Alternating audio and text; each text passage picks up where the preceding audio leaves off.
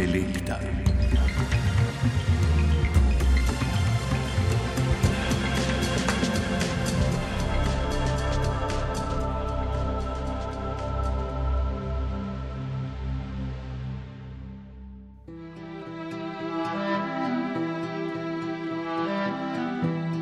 V senci pandemije novega koronavirusa in nesrečne vojne v Ukrajini bomo v tokratni intelekti predstavili zgodbo, ki govori o življenju in upanju.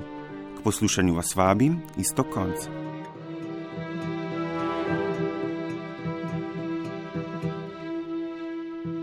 Zgodilo se je pred sedmimi tedni, natančneje 7. januarja letos, ko so v medicinskem centru Univerze v Marylandu v Združenih državah Amerike kot prvi človeku uspešno presadili živalsko srce. Srce deluje točno tako, kot smo pričakovali. Od presaditve je minilo sedem tednov in srčna funkcija je dobra. Pacijent je sicer še nekoliko šibak. Tak je bil že pred posegom. Kot veste, je bil priključen na aparat za zunajtelesni krvni obtok, tako imenovani ECMO, ki je opravljal funkcijo njegovega srca. Tri dni po presaditvi smo aparat odklopili in od takrat ga pri življenju ohranja novo srce. Njegovo telo bo okrevalo še kar nekaj časa, saj se mora okrepiti.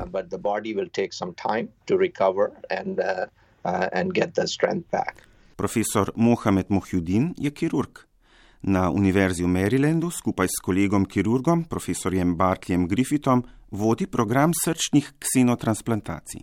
Ksenotransplantacija je presaditev žive celice tkiva ali organa iz ene živalske vrste v drugo. Prvo presaditev prašičjega srca, ki pa ni bilo gensko spremenjeno, je leta 1997 opravil indijski kirurg Daniram Baruah. 32-letni bolnik je nažalost teden dni po posegu umrl. V Marylandu so zdaj opravili prvo transplantacijo gensko spremenjenega prašičjega srca. Kirurški poseg, ki ga je odobrila Ameriška agencija za zdravila, je izvedel profesor Griffith. Naš sogovornik, profesor Mohjudin, pa je opravil vse laboratorijske analize in raziskave. Z ekipo je izrezal tiste gene, zaradi katerih bi pacijentovo telo lahko srce zavrnilo, hkrati pa dodal človeške gene, ki so podprli delovanje srca po presaditvi. Profesor Mohjudin. This was the first uh, ever done, right? So, so nobody knew how this uh, will perform. Uh, though we, uh, Izvedli smo prvi tovrstni poseg na svetu. Nihče ni vedel, kako se bo išlo. Sam na tem področju delam že 30 let. Vedel sem, da telo srca ne bo zavrnilo, vendar sem se na primeru presaditev pri pavjanih zavedal, da se lahko zgodi tudi kaj nepričakovanega. Ko je srce začelo biti, smo si vsi oddahnili. Srce je delovalo, telo ga ni zavrnilo in tako je še vedno. Po sedmih tednih še vedno odlično deluje. Kolegi z področja srčne kirurgije in imunologije so presenečeni, da smo za presaditev dobili ustrezno dovoljenje. Pri Agenciji za hrano in zdravila so nam jasno povedali, da nam dovoljujejo samo ta poseg, saj želijo, da sledimo ustaljenemu postopku in opravimo ustrezne klinične študije.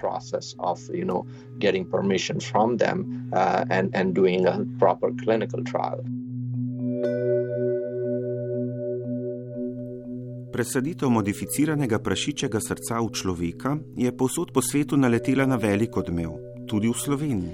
Po številu presajenih človeških src na milijon prebivalcev je naša država vse čas v samem svetovnem vrhu.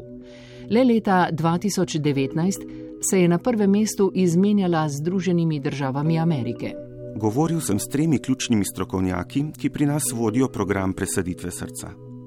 To sta kardiolog profesor Bojan Vrtovec in kirurg dr. Ivan Kneževič z kliničnega centra v Ljubljani ter traumatolog Andrej Gađijev iz Zavoda Slovenija Transplant. Slovenski transplantacijski program je zelo uspešen. Poleg srca presajajo slovenski kirurgi tudi pljuča, jetra, ledvice in trebušno slinavko, pojasnjuje Gađijev. Obstaja tudi možnost presaditve črvesa, vendar ta program v Sloveniji ne teče.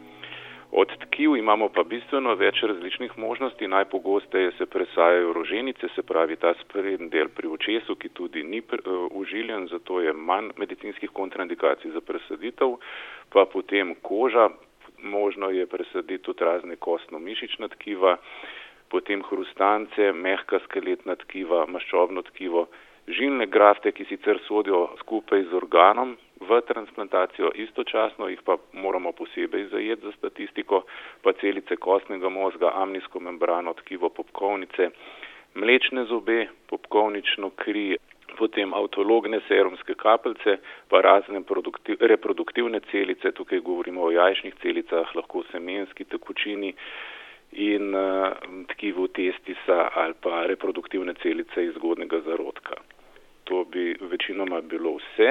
Zdaj, kje je tukaj mesto srca?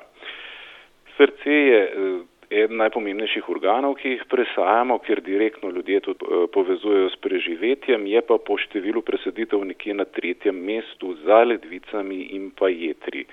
V zadnjih letih smo ponavadi presajali tam do 20 src na leto, v najboljših letih, najboljših treh letih tudi 30, kar je skupaj zneslo 15 na milijon in smo se uh, uvrščali visoko oziroma smo bili dolga leta prvi na svetu. Lani smo prvič imeli nižjo številko in sicer 17 na uh, vsega skupaj, ampak kljub temu ohranili prvo mesto vsaj med državami Eurotransplanta. Med zadnjimi uspehi slovenske transplantacijske dejavnosti je program presaditve pljuč. Začeli smo s presaditvami pljuč. Leta 2018 smo po večletnem sodelovanju z AKH na Dunaju, se pravi njihovo največjo bolnišnico, kjer je profesor Klepetko naredil več takih twinning programov, se pravi sodelujočih z ostalimi državami in so pljuča predstavljali za njihove pacijente, smo se odločili, da da je ta, tega znanja za nas dovolj in da bi lahko se odcepili oziroma začeli samostojnim programom, tako da je profesor Štupnik pričel, pričel s, s samostojnimi presaditvami ključ nekaj časa z asistenco kolegov iz, iz Dunaja, potem pa zdaj mislim, da zadnji dve leti pa popolnoma samostojno. Tako da to je to, kar je novejšega pri nas in a, dosegamo tukaj zelo visoke številke. V zadnjih letih smo imeli približno 15 pljuč na leto presajenih našim pacijentom, tako da se je tu čakalni seznam precej zmanjšal. Traumatolog Andrej Gađijev je vodenja Slovenija transplanta prevzel letos. Kakšen je njegov pogled na prvo uspešno presaditev spremenjenega prašičega srca v človeka, ki so jo izvedli v medicinskem centru Univerze v Marylandu v Združenih državah? Le lahko jaz rečem za sebe, da sem šel čez en proces, tudi kar je ta informacija prvič šla ven. Od začetka smo bili vsi mal presenečeni oziroma smo mečkan obsojali to situacijo. Eh, češ nekdo je hotel biti prvi, pa je ta krompom pomkrat takrat leta 67, ko je nasploh bilo uspešno presajeno prvo um, človeško srce. Potem pa uh, smo malo pobrskali po strokovnih člankih in je Evropsko združenje za uh, transplantacijo organov konec lanskega leta izdalo en zelo pregleden članek o ksenotransplantaciji, ki pa pojasnjuje, da je v bistvu prišel čas za tak poseg, da so poskusi na živalih privedli že do tok zanesljivih, tok dobrih uh, uspehov, da je normalno nastopil čas za to, da bi prišli posamični posegi na ljudeh lahko že na vrsto. To so tako imenovani klinični postopki oziroma posamični sporadični poskusi, če lahko tako rečemo, ki so po določenih pravilih pravilno izvedeni. Se pravi, tis, kar je mogoče res manjka ali pa kar lahko učitamo temu um, posegu, je, da je premalo bila s tem seznanjena splošna javnost. Ne. Tukaj se zadnje čase znanstveni svet zelo sooča tudi čez to korona krizo s tem, da se zavedajo, da so zaprti v enem svojem mehurčku, da se na svoj način pogovarjajo, da med sabo zelo dobro že vejo, kaj poteka, pa dokam se je kakšen postopek že razvil, ne znajo pa tega skomunicirati splošno javnostjo. Ne. In potem pride ena taka novica ven, kot en strašen bum, čeprav je teren v bistvu že pripravljen.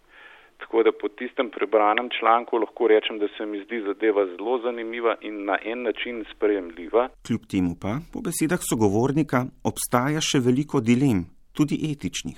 Bolj na strani teh um, društv za zaščito živali, ker gre v bistvu za vzrejo ene posebne vrste prašičev, ki živijo v sterilnih pogojih, zato da bi čim bolj zmanjšali možnost prenosa zoonos, se pravi bolezni, ki živali lahko preidejo na človeka, pa posebej so genetsko modificirani zato, da se odstran določene produkte, ki bi lahko vplivali na zavrnitev tega organa pri človeku. Ne, se pravi, eno vrsto vzreješ samo zato, da potem v bistvu ubiješ, ker moraš prašiču oduzeti srce in ga potem presaditi v človeka. Kar se tiče ljudi, imaš na drugi strani ta etični pomislek, da v bistvu bojo in v resnici že ta moment obstajajo ljudje, ki jih ne moreš uh, zdraviti s presaditvijo organa pravočasno, ker eh, ni toliko teh človeških organov na voljo, da bi zadostilo vsem potrebam po zdravljenju s presaditvijo, oziroma nekateri niso ustrezni niti za zdravljenje s temi posebnimi uh, umetnimi srci, napravami, ki vzdržujejo funkcijo srca lahko kar dolg, dolgo časa.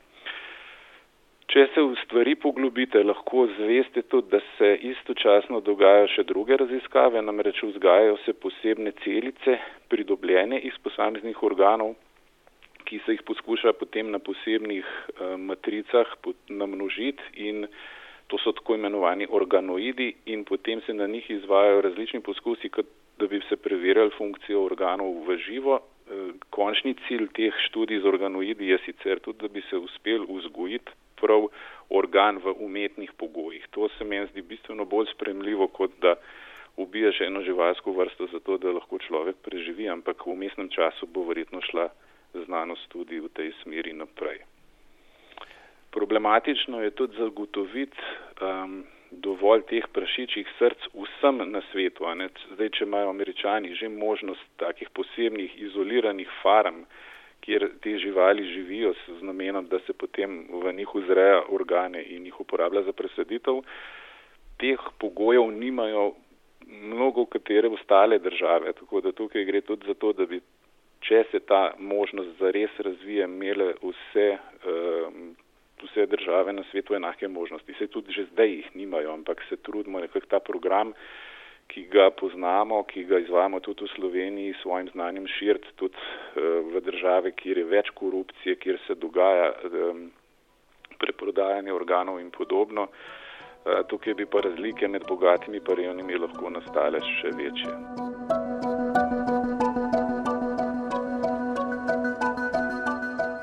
I never thought that I would be able to do this in my lifetime because the process has been slow. I mean, you know, Nisem si mislil, da bom za časa svojega življenja lahko izpeljal tako presaditev.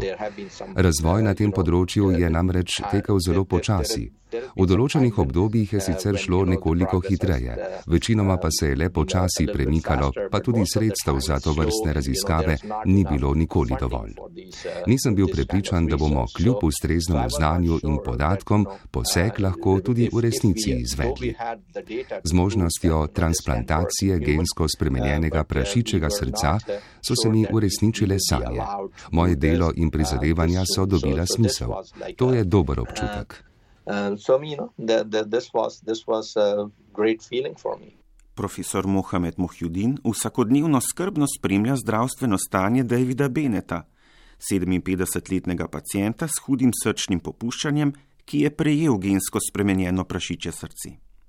Za zdaj njegovo okrevanje teče po načrtu, kdaj pa bo lahko zapustil bolnišnico?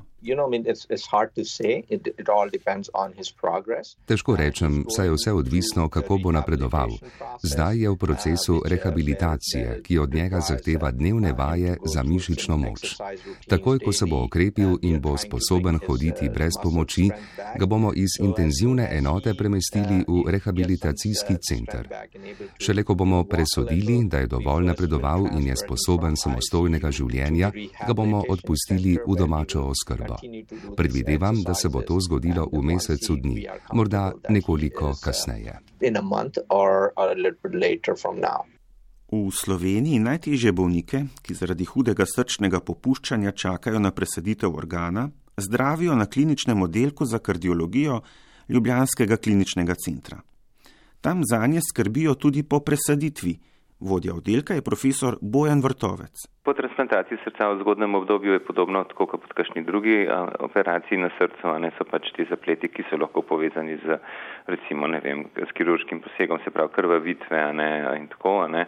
Kar je specifično za transplantacijo srca tudi pol naprej, tako kot je bilo omenjeno, je pa imunosupresivna terapija. Se pravi, bolnik dobi srce, ne, ki je bolj ali manj kompatibilno in je treba imeti zdravila proti zavrnitvenim reakcijam.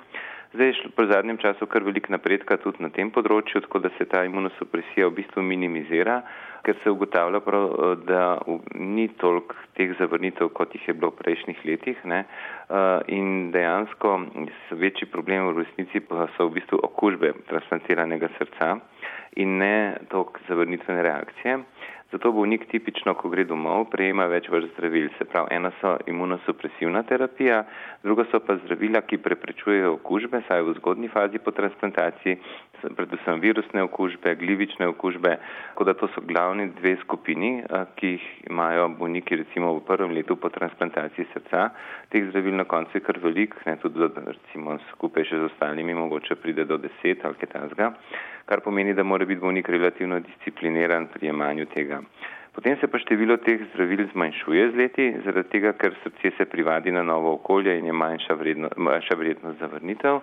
Hkrati pa je tudi, ker je manj imunosupresivne terapije, ne, je tudi manjša vrednost okužb in na koncu bolniki ne jemljajo več toliko zdravil kot na začetku po transplantaciji srca in s časoma lahko živijo vedno bolj uh, normalno življenje, skozi pa je potrebna imunosupresivna terapija, nikoli ni tako, no, da bi lahko pa to kar ukinili. Preživetje po presaditvi srca se lahko meri v desetletjih. O, to je različno, že velike skupine ljudi so že po svetu serije, ki živijo nad 20 let, tudi pri nas imamo kar veliko takih bolnikov, drugače pa lahko tudi dlje. Zdaj največji omejitev za dolgoročne preživetje je pravzaprav niti nedelovanje srca, dobro razvija se lahko koronarna bolezen, se pravi bolezen srčnih žil. Po transplantaciji srca recimo to je ena stvar, ki omejuje dolgoročno preživetje, predvsem pa rakova obolenja. Ne? Ker če vi imate presejeno srce in če dolgo časa jemljete imunosupresivno terapijo, ne se pravi terapijo proti zavrnitvi, ste lahko potencialno bolj nagnjeni k razvoju rakavih obolenj. Zato je treba redno delati kontrolne preglede po transplantaciji v tem smislu, da bi probali to, če se slučajno zgodi, čim prej odkriti. Tudi profesor Vrtovec spremlja poročila in članke o prvi uspešni presaditvi gensko spremenjenega prašičjega srca v Združenih državah. Revolucionaren poseg in je začestiti, da so sploh prišli do tega, da so to naredili. Mislim, to je neverjetno. Ne? Uh, je pa res, da je treba biti previden, pa da ne, ne smemo pa interpretirati to, kot da zdaj bo pa to v tem fazi zdaj rešili pomankanje dejavcev. No, to zdaj le ne. Je pa seveda neverjetno, ne? to dejansko je fascinantno. Ne? Uh, samo ne bi rad pa, da, da to ne, izpade pod kot nek uh, rešitev zdaj trenutno, ki obstaja. Ne? Strokovnjak povdarja, da se ksenotransplantacije razvijajo in izpopolnjujejo že dalj časa. Glavni problem v ta čas je bil prenos v bistvu zoono, se pravi virusov. Ne? Pač prašiči ali pa kakšne koli druge živalske vrste imajo določene viruse, na katere ljudje ne reagiramo, ker nimamo pač ustreznih protiteles za to in zaradi tega se s tem transplantacijam to zelo prenašali. Zdaj so uspeli to genetsko modificirati do te faze, da to zdaj ni problematično. Je pa res, da gre za enkrat to za zelo eksperimentalen poseg, no, tudi samo akutni ta poseg um, je bil tako kombiniran, v resnici se je mogoče to mal, premal podarjali, to je bil kombinacija z mehansko podporo, ne, se pravi, ta operacija ni bila tako narejena, da bi srce kar samo delovalo, ampak je imelo še zraven podporni mehanski sistem. To pa razlagam zaradi tega, ker uh, kot alternativa, recimo, ne, se pravi, imate bolnika, ki čaka na transplantacijo srca in se mu poslabša ne, in ne dobiti uh, v bistvu srca ta prav čas. Kot alternativa temu mislim, da je zdaj prišlo do velikega napredka na področju mehanske podpore. Se pravi, mehanska podpora pomeni, da imate črpalko, ki lahko podpira en del srca. No, v zadnjem času lahko imate tudi črpalke, ki dve, uh, dve uh, se pravi, oba dela srca podpirate. Eh, to smo letos prvič naredili v kliničnem centru, konkretno pri bolniku, ki ga imamo zdaj hospitaliziranega pri nas.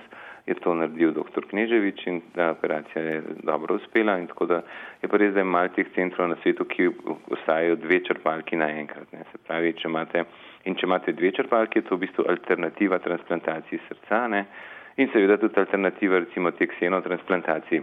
Drugi aspekt, drugi aspekt je pa, Kot druga možna alternativa ksenotransplantacije pa v bistvu mm, regeneracija celega srca v smislu, da vzamete srce dajalca, potem s posebno tehniko te mišične celice dol odstranite, ostane samo ogrodje, se pravi neke sorte vezivno ogrodje, na to gor pa lahko iz kulture z matičnimi celicami naseljite v bistvu mišične celice, se pravi srčno mišične celice od tega prejemnika. Se pravi, človek v bistvu dobi srce, ki je narejeno iz njegovih celic. Ne. To seveda ni v klinični uporabi še, se mi zdi pa to po mojem osebnem prepričanju boljša pot kot ksenotransplantacija. Za nadaljni razvoj nekako vi bolj stavite na to. Ja, jaz mislim, da ja, zaradi tega, ker eh, to je vse ti problemi, ki so dolgoročno ne, pri navadni transplantaciji, so tukaj zelo daleč od tega, da bi jih sploh razumeli. Se pravi, ne, mi ne vemo zdaj, kaj se s tem srcem, recimo transplantiranim srcem prašičim dogaja, kakšna mora biti imunosupresija, kaj to pomeni za žile, kaj pomeni to za ostale organe, ali ne, mislim, kako zdaj se ostali organi prilagodijo lahko na, neko, na nek tuje kot teleso, kako imunski sistem dolgoročno reagira, kako sploh lahko, mislim, zelo na začetku, mene je to izredno presenetilo, da, da je šlo kar v klinično uporabo, mislim, da so tle zelo preskočili par stopenj in ne bi bilo treba biti malo bolj previden, po mojem.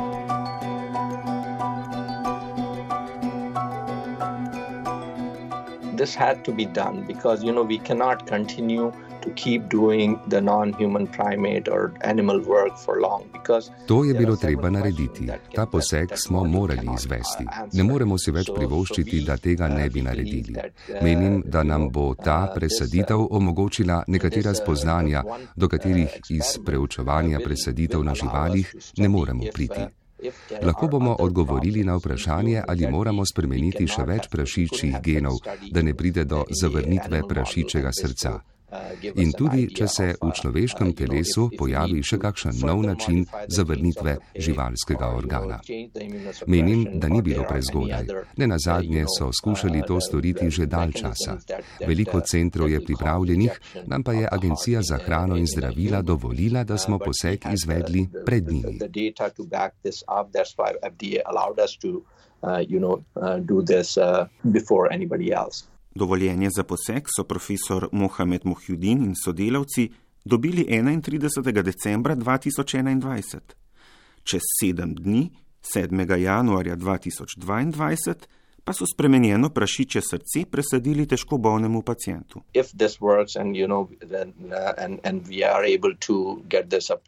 Če se bo dobro išlo in nam bo uspelo dobiti vsa dovoljenja regulatornih agencij, ne bo nikogar več, ki bi umrl zaradi pomankanja organov. Ne glede na kateri organ čaka, na srce, jedra, na ledvice ali pljuča, organov bo dovolj. Vsak, skoraj vsak, bo lahko dobil ustrezen organ. V današnji intelekti govorimo o prvi uspešni ksenotransplantaciji srca. Za mnenje o posegu sem se obrnil še na dr. Ivana Kniževiča, ki v Ljubljanskem kliničnem centru vodi centr za transplantacijsko dejavnost. Jaz mislim že nekaj, da sem mislil, da bo verjetno ksenotransplantacija na koncu tudi neka rešitev za vse. To so pač tako modificirana srca, da, da tudi lahko težko rečemo, da so to prašiče, zaradi tega, ker genomsko niso čisto, v bistvu one so zares prašiče, vendar je del prašičega eh, genoma zrezen ven in je ga človeško telo ne prepozna kot prašičega. Ne. In še dodatno iz njega se zbrišajo za to CRISPR tehnologijo, kateri bi v človeškem telesu imeli popolnoma drugačen način, kot v prašičem telesu. Ampak jaz mislim, da ta pot je še dolga. Mogoče je, ne vem, zakaj so se odločili za tako zgodaj, za, mogoče vam bo kolega povedal, kaj misli, da je Ta pacijent je verjetno imel tudi opcijo ustavitve nekega umetnega srca, ki jih imajo enostavno se dajo v primeru, ko ni uh, humanega, humane opcije um, dajalčevega srca, se dajo umetne, umetne srca, ne so tudi celotne umetne srca ali pa delna in tudi so leva in desna mehanska podpora, ni samo podpora levem srcu, tako da opcije je tu več. Uh, ali bo to, kot ste dobro vprašali, ali bo to zdaj porinilo ta razvoj, da bo hitrejši, ali ga bo pa malo zablokiralo, to je težko reči. V Evropi so zelo daleč prišli nekateri centri pri raziskavah, predvsem v naprej, tu je Evropa zelo močna. Um, bi rekel, da ne vem, zakaj se je točno ta center v ZDA odločil, za, zakaj se je tam odločil za tako uh, varianto. Jaz se, pa, se bo je podprlo še pa več različnih vprašanj, ki jih treba rešiti. Ne. Ni to samo to, da ga ni tega, te akutne zavrnitve. Ne. Ta problem je že rešen, da to se je tudi vedlo, da je rešen zaradi tega, ker so se delale presaditve iz prehli iz pršiča v primate. Ne. In ta del je že rešen in je dela tudi eno leto v prašiče srca v primatu. Ampak so problem drugi, recimo bi rekli, da je človeško telo je zaenkrat še za, za pršiči organ, kljub vsemu nekako neprijazno okolje zaradi holesterola, ki je v primerjavi človek ima bistveno višji holesterol kot ima prešič. Holesterol je pa eden od faktorjev, kateri močno vpliva na, na razvoj sprememb na presejenem srcu.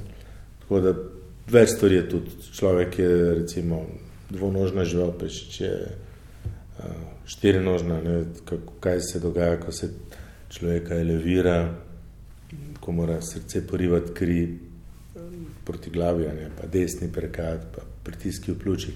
To je kar nekaj teh stvari, ki jih bo treba. Zdaj samo ne vem, ali bo to dejanje, ta proces naredilo vem, bolj prijaznim ne, ali ne, težko je reči. Ja. Dr. Kneževič poseg, ki so ga izvedli v medicinskem centru Univerze v Marylandu, spremlja tudi spominom na prvo uspešno presaditev srca z človeka na človeka. Zdravstveno ekipo, ki je pred 55 leti, natančneje 3. decembra leta 1967, izvedla prvo uspešno presaditev srca iz človeka na človeka, je vodil južnoafriški kardiolog Kristjan Barnard. 54-letni bolnik je v peturnem posegu prejel srce 25-letne darovalke, ki je umrla v prometni nesreči. Kljub uspešni operaciji je bolnik čez 18 dni zaradi pljučnice, ki je bila posledica zavrnitvene reakcije, umrl. Presaditev človeškega srca ne, je bila nekoliko prezgodaj narejena in zaradi tega takrat ni bilo še vse pripravljeno in to je v bistvu ustavilo vse skupaj. Eh, vsi so takrat pohiteli, da transplantirajo, presajeno je zelo veliko src v enem letu po celem svetu, ampak je večina teh pacijentov umrla zaradi zavrnitve. Ne. Ni bilo še zdravil in se je vse ustavilo za, praktično se je vse ustavilo vse razvoj za vrsto let, kar je škoda. Ne. V bistvu, če nekaj prezgodaj narediš, pa vsi začnejo dvomiti, ali je to sploh ali bo to sploh izvedljivo in ne, ne, drugače ne veš. Takrat je pa tudi začel razvoj nekih umetnih src, ker danes je ta razvoj tudi zelo močen, ampak mislim, da na koncu samo enkdaj, to čez 5, 10, 20 let, da je verjetno obstaja možnost, da bo uh, ksenotransplantacija neka opcija, ker kljub vsemu morate računati, da veliko ljudi po svetu umre, ker ne dobi organa. Ne. Ta diskrepanca je še vedno zelo huda.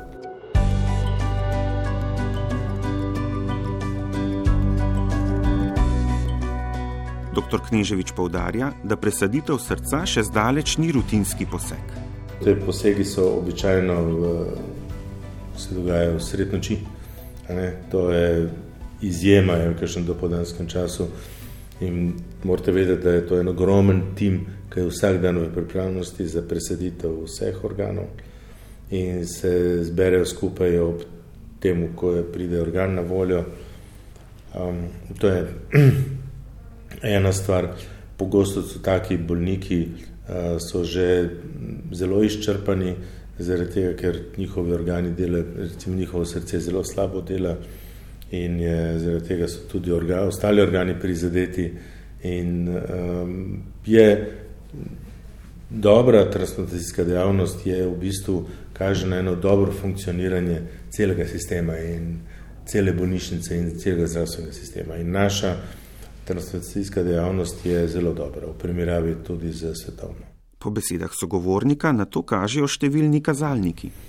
Veliko je, ja, prvo po številu presaditev. Poglejte, mi smo majhna država, ne se dva milijona prebivalcev, pa naredimo vse presaditev organov, se eh, dogaja v kliničnem centru v Ljubljani. In je, eh, mi naredimo na vsako leto 110-120 presaditev organov. Um, to je eno. Pri srci smo že od leta 2012 na svetovnem vrhu po številu presaditev na milijon prebivalcev razen 2019, ko nas je čisto za malo prihitela ZDA. Zdaj let, za podatkov za 2021 še ni, ne, zato tudi ne vem. Mi smo nekaj mal manj preseditev imeli 2021 zaradi COVID-a, logično, ker je mm, bilo toliko manj prijemnikov in, manjša identifikacija potencijalnih dejalcev je bila zaradi tega, ker so intenzivne bile itak a, zapolnjene za COVID bolniki. Eh, drugo, naši so zelo, zelo eh, uspešno preživetje naših bolnikov. Eh, to je eden od parametrov kakovosti, na kar smo zelo ponosni. Tako eno mesečno, eno letno, tako se in dolgoročno, posebej v zadnjem obdobju, v zadnjih nekaj letih. Mogoče da povem še nekaj v povezavi s tem, mi smo tehniko zaščite dajalčevega srca, glede na to, da smo mi na samem jugu Eurotransplanta. Ne? Eurotransplant je osem držav in da so naši polpotovalni časi recimo iz severa Nemčije dolgi in so te organi dolgo časa izpostavljeni temu, da so izven telesa. In smo pa na en drugačen način eh, začeli z nekimi novimi eh, tehnikami ščititi eh, dajalčevo srce. In smo ugotovili, da so rezultati, kljub temu, da smo imeli te čase dolge, da so rezultati bistveno boljši od pričakovanih in uh, praktično v samem svetovnem vrhu. In sem hotel pa um, dokazati, da je ta metoda boljša od tradicionalne metode zaščite dejalčevega srca in sem tudi prijavil terciarni projekt. Zato dobil sredstva za eno randomizirano študijo, v kateri bi pol dve skupini, da vidimo, če ima to res kakršen koli vpliv ali je to samo neki občutek. In mi pa nisem mogel iz uh, lastnih, um, se, se mi pojavlja tako moralna, etična vprašanja, res zato, da bom dokazal, da je nekaj boljše, bom po svoje, ker mislim, da je boljše, eno skupino bolnikov bom izpostavil mogoče večji možnosti, da, da je slabši rezultat. In takrat sem, nisem sploh tiste sred, niti sem šel v tisto študijo in tako naprej. Tako da še vedno je to ni dokazano za študijo, tako da se veste, kako se dela randomizirane študije, da pač dve skupini bolnikov, eno tako, drugo drugače in je pa dokažeš, kar je prav, pa tu sem jaz, te moralne etične pomisli, ki so me, enostavno to, ta zid je bil previsok, eh, da bi to pa naredil.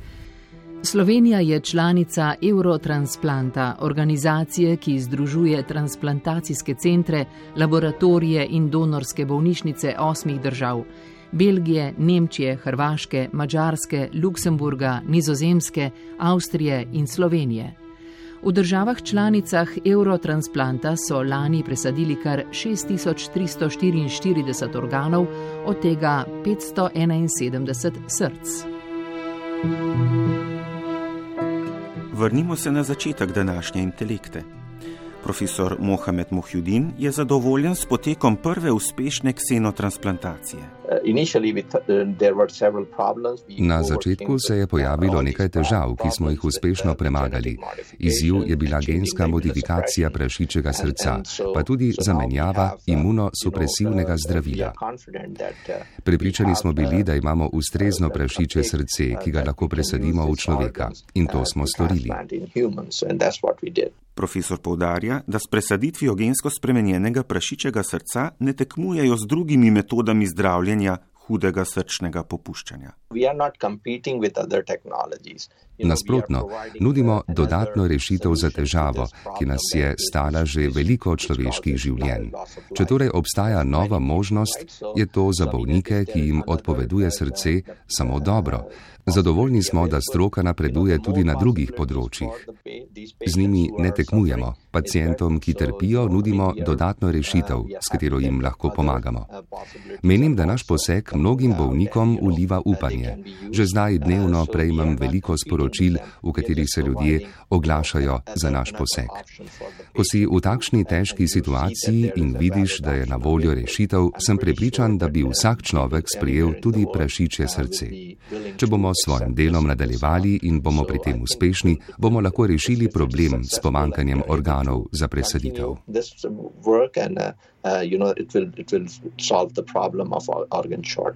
Profesorju Mohjudinu se je javilo že več sto ljudi, ki bi radi sodelovali v programu srčne ksenotransplantacije.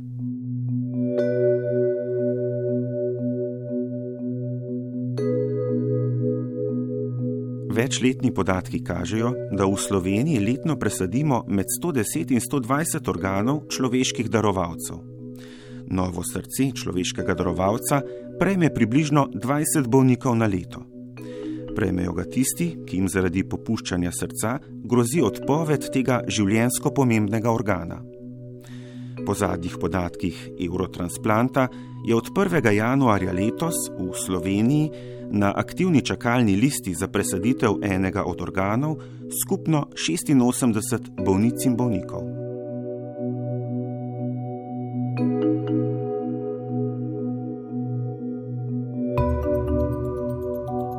Oddajo smo radijsko oblikovali Rudi Pančur, Maja Mol, Bernard Stramič, Damjan Rostan in isto konc. Intelekto najdete na spletni strani prvega. Na njo pa se lahko naročite tudi v vseh aplikacijah za podkaste.